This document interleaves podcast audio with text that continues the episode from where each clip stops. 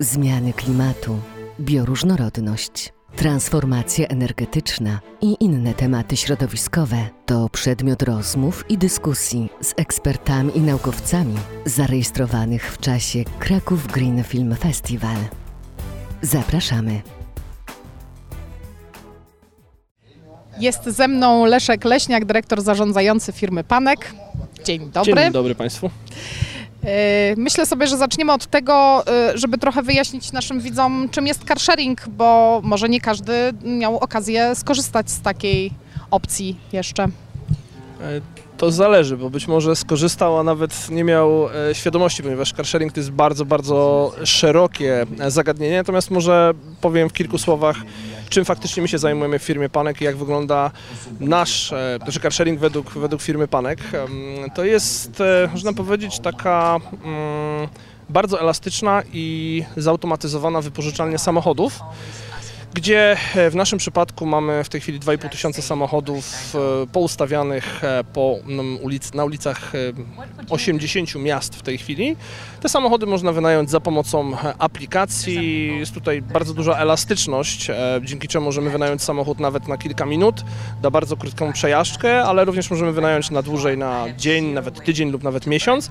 I co ważne, możemy się bez problemów przemieszczać pomiędzy tymi 80 miastami, o których powiedziałem, a jeszcze taki krótki rys historyczny, dlaczego zdecydowaliśmy się w ogóle taką usługę stworzyć. E, Firma Panek e, usługę carsharingu oferuje od e, ponad 5 lat, natomiast sama historia firmy Panek to jest już 22 lata. Od tego momentu zaczęliśmy wynajem, tradycyjny wynajem samochodów. W tej chwili jesteśmy jedną z największych wypożyczalni również w tradycyjnej formie. I carsharing e, tak naprawdę narodził się z tego względu, że zauważyliśmy, że jest bardzo duże zapotrzebowanie na wynajmy samochodów na krótko, czyli na kilka godzin, gdzie e, ostatecznie klienci rezygnowali z e, takich e, wynajmów, ponieważ raz, że koszty im nie odpowiadały i raz, że mm, sama procedura wynajmu samochodu była dosyć uciążliwa dla nich, bo trzeba było przejechać na miejsce, wpłacić depozyt, później umówić się na konkretną godzinę, zapłacić za ewentualny zwrot po godzinach pracy biura.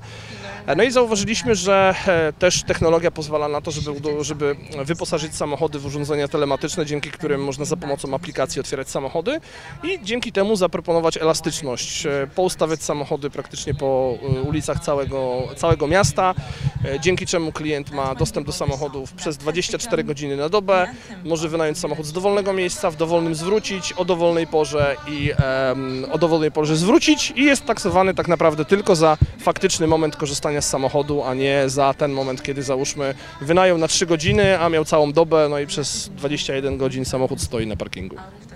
E, Jako firma informujecie też między innymi na swojej stronie, że no, temat ekologii jest e, dla Was ważny i się o niego troszczycie. Co to oznacza u Was, że ten temat jest dla Was ważny?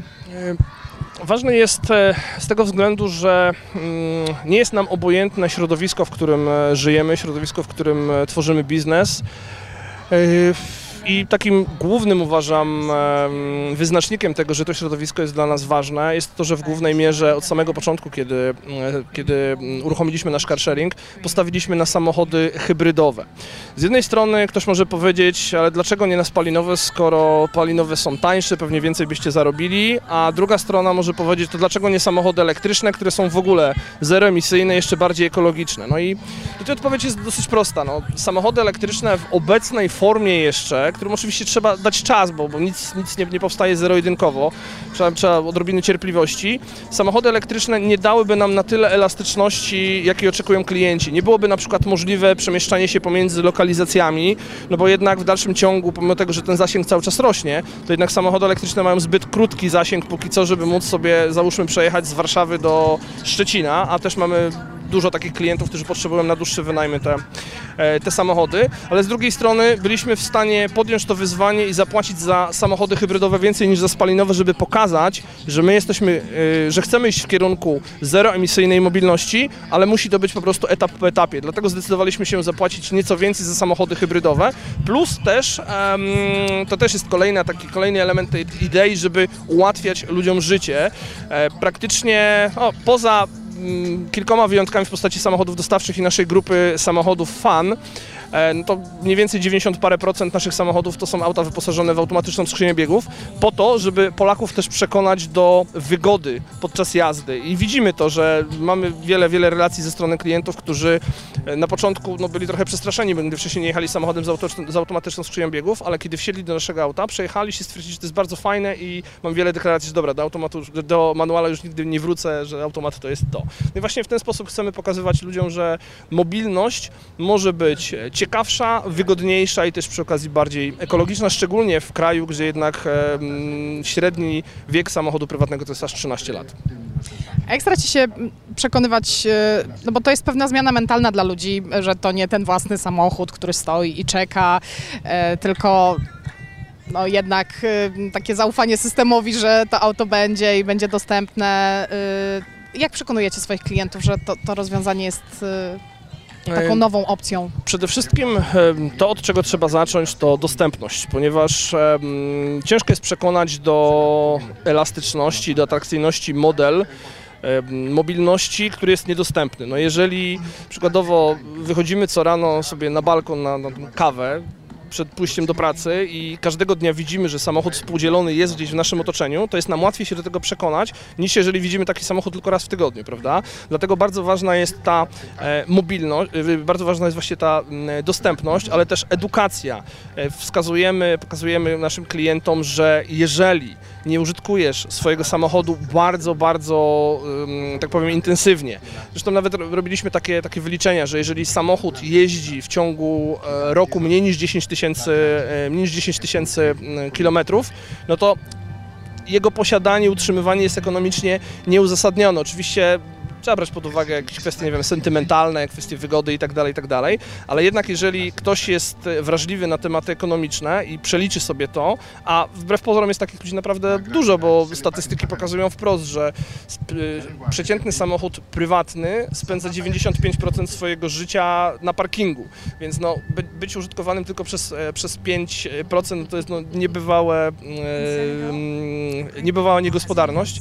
Dlatego staramy się klientów też, też do tego w ten sposób przekonać, ale też służy do tego, mm, powiedziałbym, też kwestia fanu. No, ta mm, grupa samochodów fan, gdzie mamy i klasyki polskiej perolowskiej motoryzacji, takie jak Polones, Maluch czy Fiat, Fiat 125P, ale też samochody ekstremalne, które są na wyciągnięcie ręki, yy, gdy jeszcze do niedawna to było tak naprawdę w sferze marzeń. Takie samochody, na przykład Ferrari F430, czy na przykład no, zeroemisyjna Tesla 3 albo Tesla S. Właściwie staramy się bardzo wielowymiarowo interes- zainteresować naszą usługę, naszą usługą klientów, ale też nie pod względem samej usługi, ale też współdzielenia mobilności, bo to jest tak, tak naprawdę główny, e, no, główny powód tego, że się tym, że tym zajmujemy, właśnie ta idea współdzielenia, ekologii i zrównoważonego rozwoju.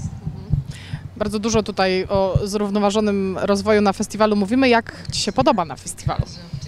E, Jestem pierwszy raz i bardzo żałuję, że e, opuściłem pierwsze, wcześniejsze cztery edycje, natomiast zobowiązuję się, że będę na pewno na, na następnej. Jest świetnie, naprawdę świetny klimat, bardzo e, fajni rozmówcy, naprawdę, naprawdę dużo, dużo ciekawych doświadczeń wywiozę, no ale też świetna publiczność i bardzo mnie cieszy to, że duże zainteresowanie festiwalem pokazuje, że mamy coraz większą część społeczeństwa, która jest wrażliwa na tematy ekologiczne, że to nie jest jednak tak, że no, ekologia nie jest dla nas ważna, to jest jakieś tam zawracanie głowy.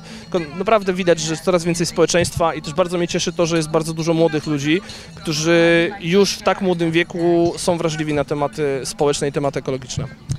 Nas też to bardzo cieszy. E, bardzo serdecznie dziękuję Ci za rozmowę, no i życzę w takim razie udanej reszty festiwalu. Dziękuję bardzo. Dzięki.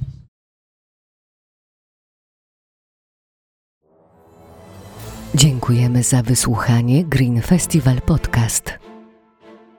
Więcej rozmów z ekspertami znajdziesz na portalu VOD greenfestival.pl w zakładce podcast.